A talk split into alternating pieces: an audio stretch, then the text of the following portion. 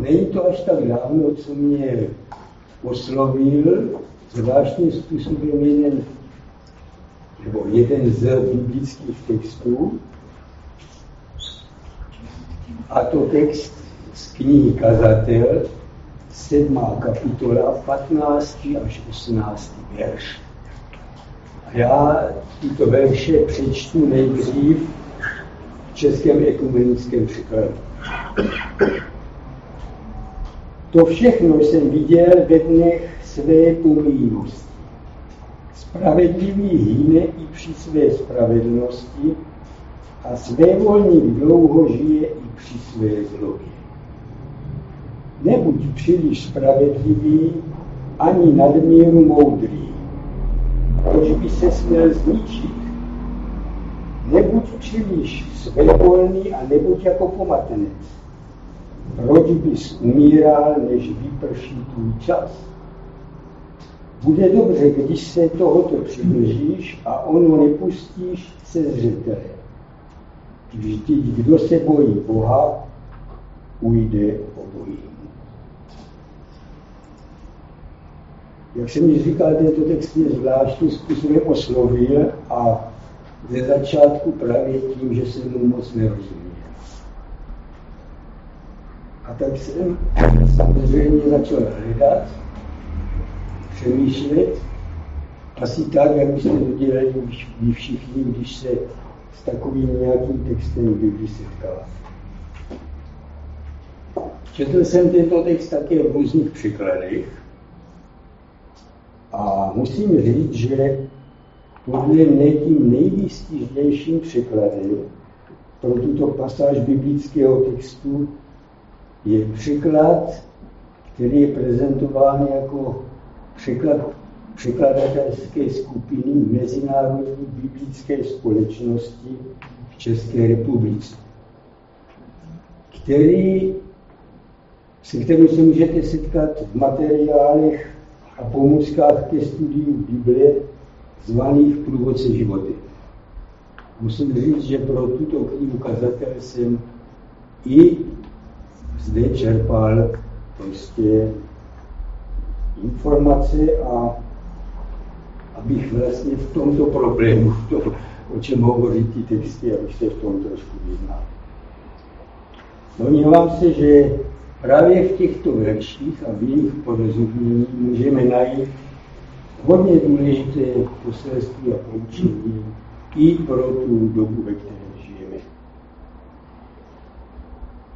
Chtěl bych říct, že v dalším eh, budu citovat ty verše právě z toho překladu té překladatelské skupiny Mezinárodní biblické společnosti.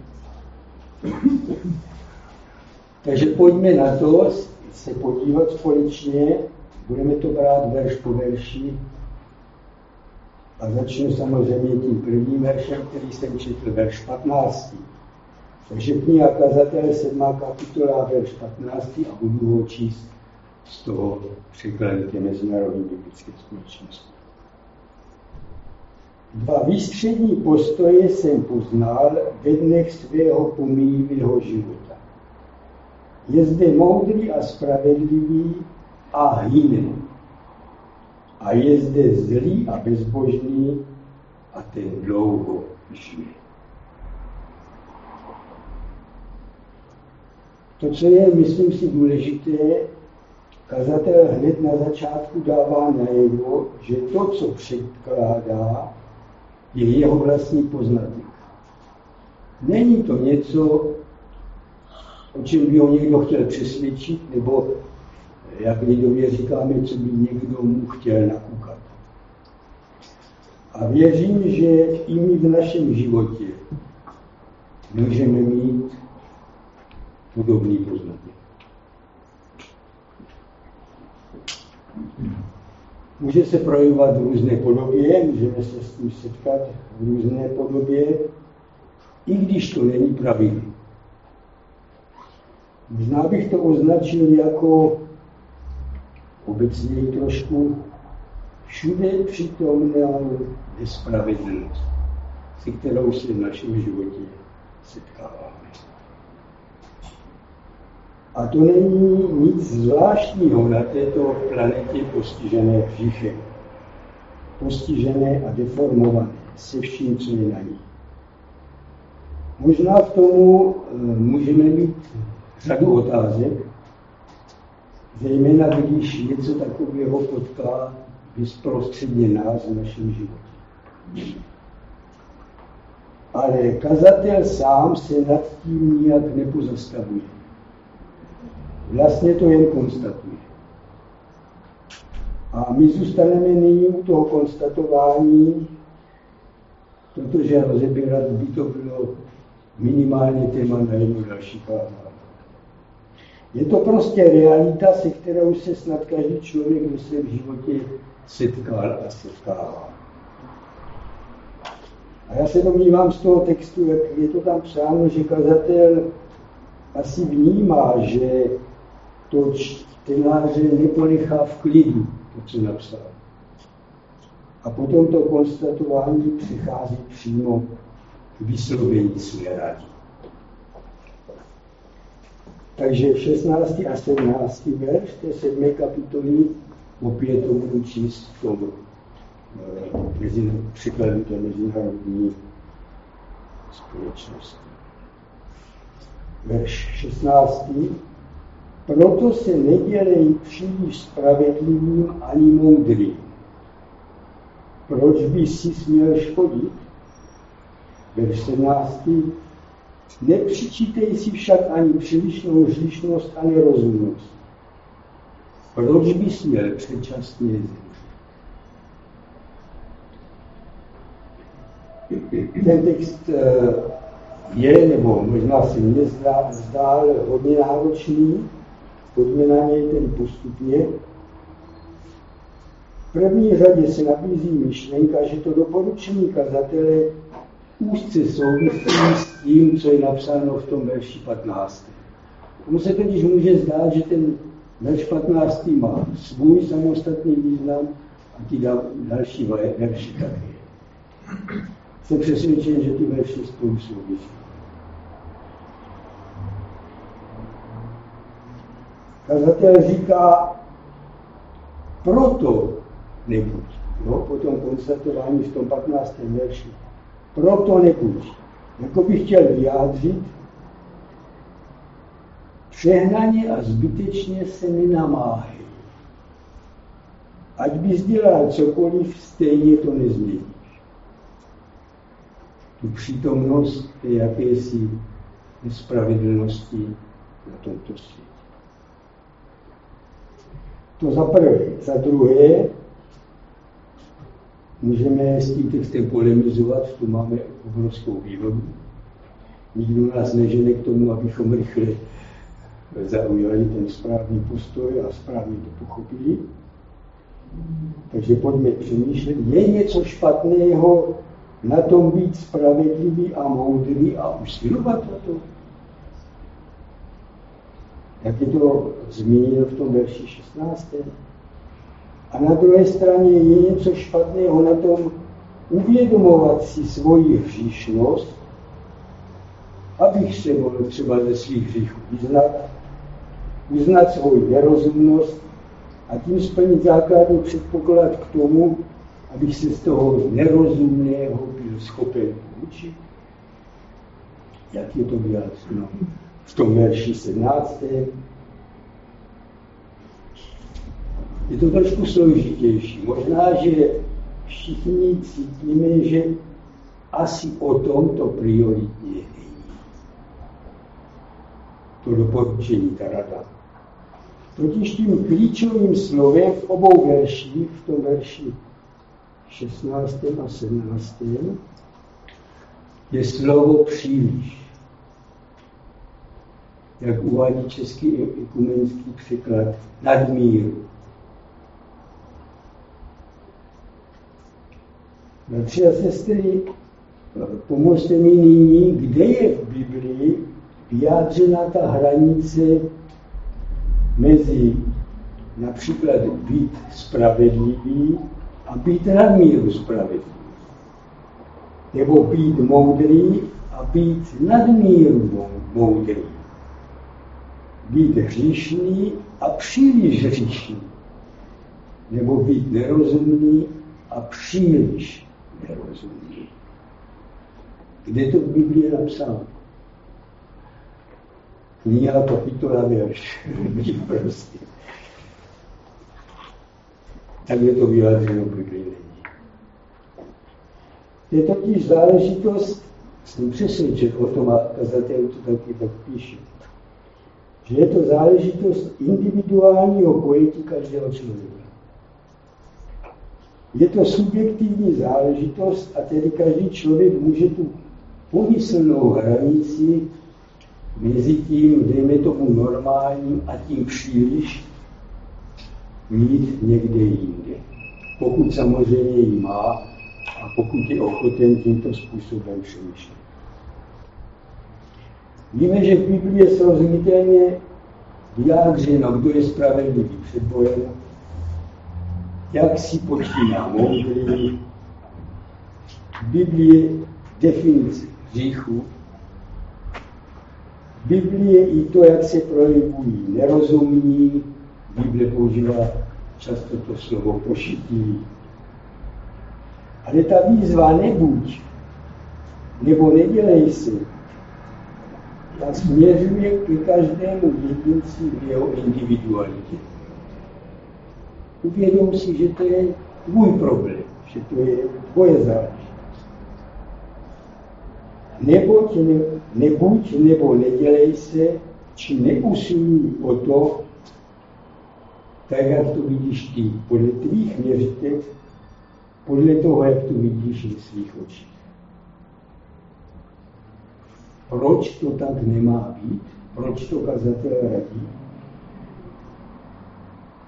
No, je vůbec možné, aby někdo dosáhl přílišné spravedlnosti a přílišné moudrosti ve své síle?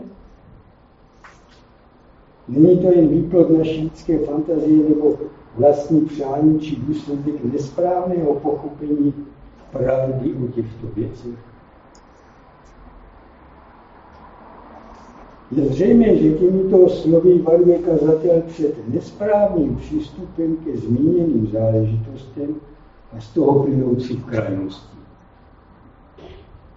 Před extremismem. To může být vždycky velice nebezpečné. Víte, kolik úsilí by třeba bylo vyvinout k tomu, aby, no vezmu to na sebe, abych třeba já byl jen moudrý, nemuselo by to být ani nadmíru moudrý.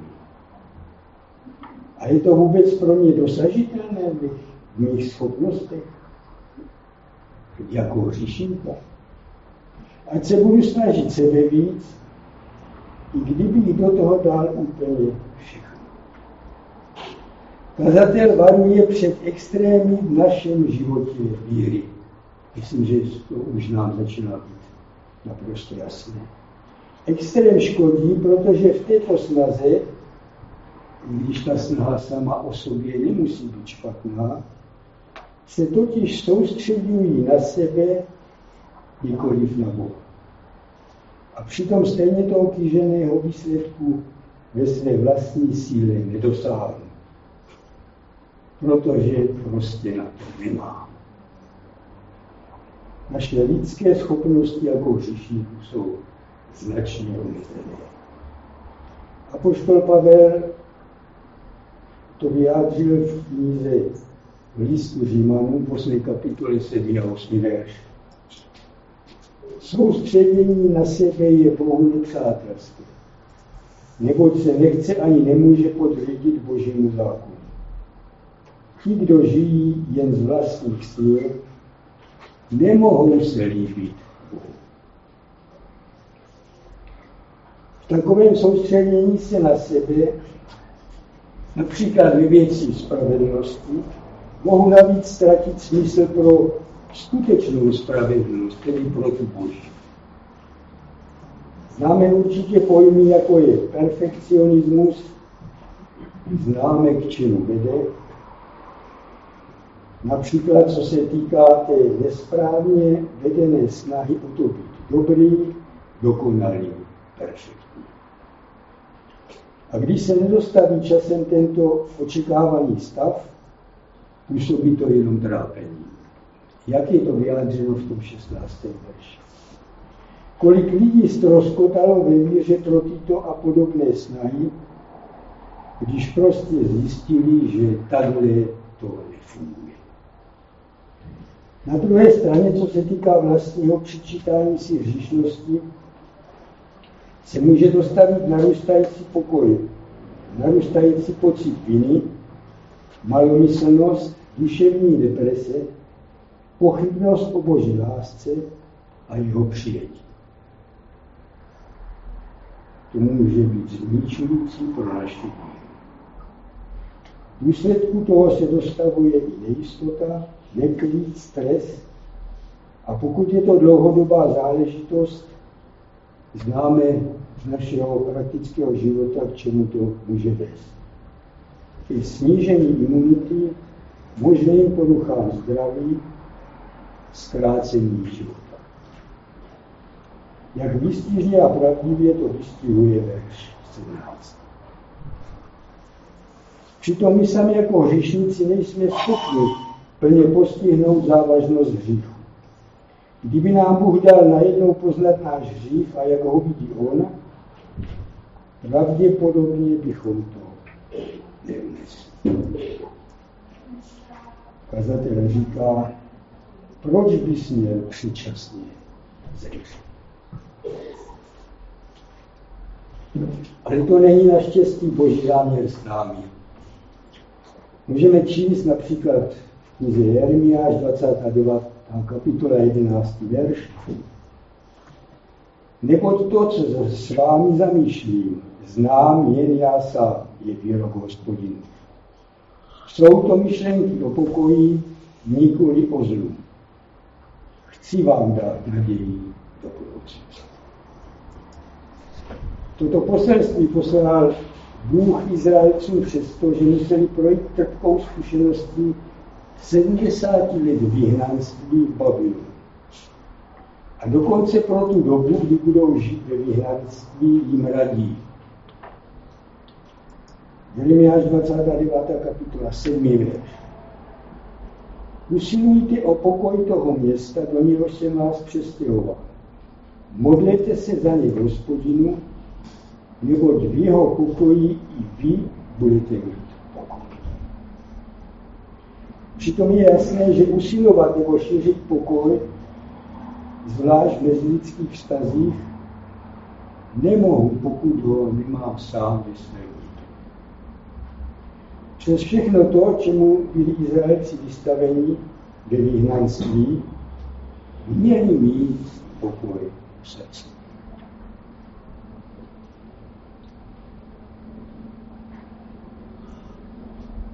Ježíš před svým odchodem do nebe řekl svým učedníkům, a to věděl, čím vším budou muset projít. Jan 14. kapitola 27. verš. Pokoj vám zanechávám, svůj pokoj vám dávám. Ne jako dává svět, já vám dávám. Ať se vaše srdce nechvěje a netěsní. Třeba se s tím, v jaké představě o budoucnosti, v jaké naději a v jakém pokoji bychom mohli žít, kdybychom nedůvěřovali Bohu a bezvýsledně usilovali o vlastní dokonalost, moudrost, nebo se trápili nad svými chybami a svou hřišností. Jaké svědectví bychom potom vydávali lidem kolem nás o naší víře, o našem životě s Bohem, o našem Bohu. Ten, kdo chodí s Bohem, je své neustále touze být lepší, protože je vědom si svých slabostí, i při stálem vědomí své hřišnosti, protože je realistou, má pokoj v srdci. No asi proto, protože obojí, tu touhu být lepší, i tu svoji hříšnost. Vlastně všechno i sám sebe a celý svůj život odevzdal do božích. Hledí na něj, důvěřuje mu, nedívá si příliš sám na sebe. A moudrý kazatel dál radí, je to verš 18. té 7. kapitoly.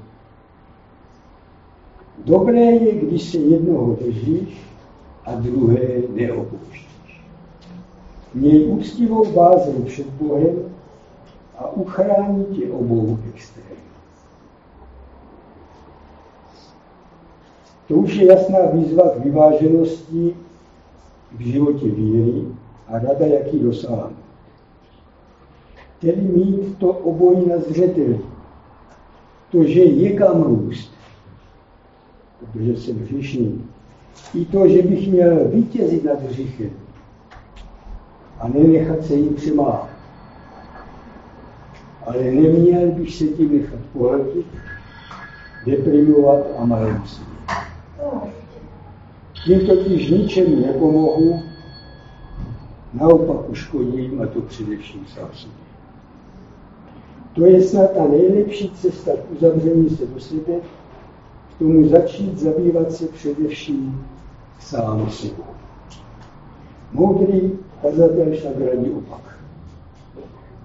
Zaměř svou pozornost ne na sebe, ale na Boha. On tě obou extrémů uchrání.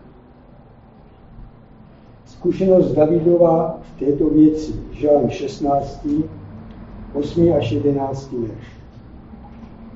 Hospodina stále před oči si staví. Jemu po pravici nic mnou neotřesí. Proto se moje srdce raduje a moje sláva jásá. Bezpečí přebývá i mé tělo. Neboť v moci podsvětí mě neponecháš. Nedopustíš, aby se tvůj věrný poctil mě. Z svůj života mi dáváš poznat, vrcholem radosti je být s tebou. Ve tvé pravici je neskonalé Tak to vyznává David. A víte, že jeho život byl hodně rozmanitý. Tak mě vyjádřil. To byla jeho zkušenost. Proč ji asi mohl prožít? Protože přesto všechno, čím procházel, plně důvěřoval.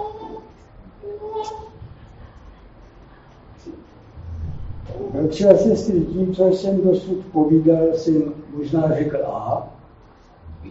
Dovolte mi říct ještě B. Přál bych si, aby nám všem bylo jasné, že tento biblický text i to další, co jsem kolem něho povídal, není výzvou k tomu, abychom ve věcech víry byli polovičatí a nedůslední. Bohu nevěrní, činící kompromisy. Abychom podceňovali moc hříchu a přistali prostě usilovat o to být lepší.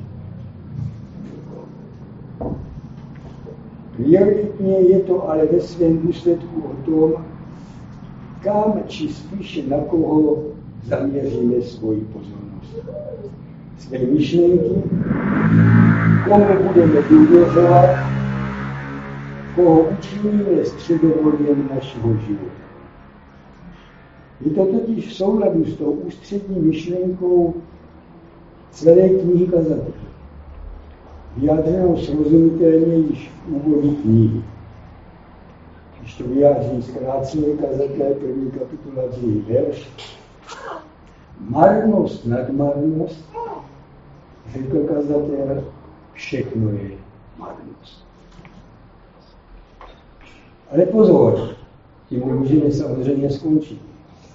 Pozornému čtenáři této knihy neujde kontext této marnosti. Marné je totiž to, co člověk koná sám Ať je to snaha o dokonalost nebo záhnutek nad svým hříchem, či cokoliv jiného. konečným výsledkem by byl stejně definitivní zánik a smrt. Nikoli však zbor. Proto je na místě v případě toho, o čem jsme dnes uvažovali, a to, co kazatel ukončuje slovy, kdo se bojí Boha, půjde obojímu, tak i v jiných záležitostech našeho života mít první na, řadě na zřeteli vůli Boží. Proto kniha kazatel také končí tou známou výzvou 12. kapitoly 13. verš. Závěr všeho, co jsi slyšel, Boha se boj a jeho přikázání zachovávej. Na tom u člověka všechno závisí. S Bohem totiž není všechno marnost. On dokáže vyřešit vše. I hřích a smrt. A jistě jste si všimli, že i když smyslem tohoto našeho života na této hřišné zemi není prioritně si užít, přesto náš stvořitel si přeje, abychom byli co nejšťastnější. A v tom štěstí nám může vydatně bránit, když se budeme snažit, marně snažit, získat vlastním úsilím něco, co nám vlastně chce Bůh dát dar. Spravedlnost, moudrost, dokonalost a bezpečnost. Takovému, boji stojí, takovému Bohu stojí za to svěřit sebe i svůj život učinit jej středobodem svého života. Nezapomeňme na to ani dnes, ani zítra, ani nikdy. On nás ochrání. Tom samotný závěr si vypůjčím slova pisatelů listu židům z 12. kapitoly a přečtu druhou polovinu prvního verše a první polovinu, polovinu druhého Odhodně všecku přítěž i hřích, který se nás tak snadno přichytí a vytrvejme v běhu, jak je nám uloženo. S pohledem upřeným na Ježíše, který vede naši víru od počátku až do cíle. Nech je, nebo se stane tato výzva živou zkušeností každého z nás.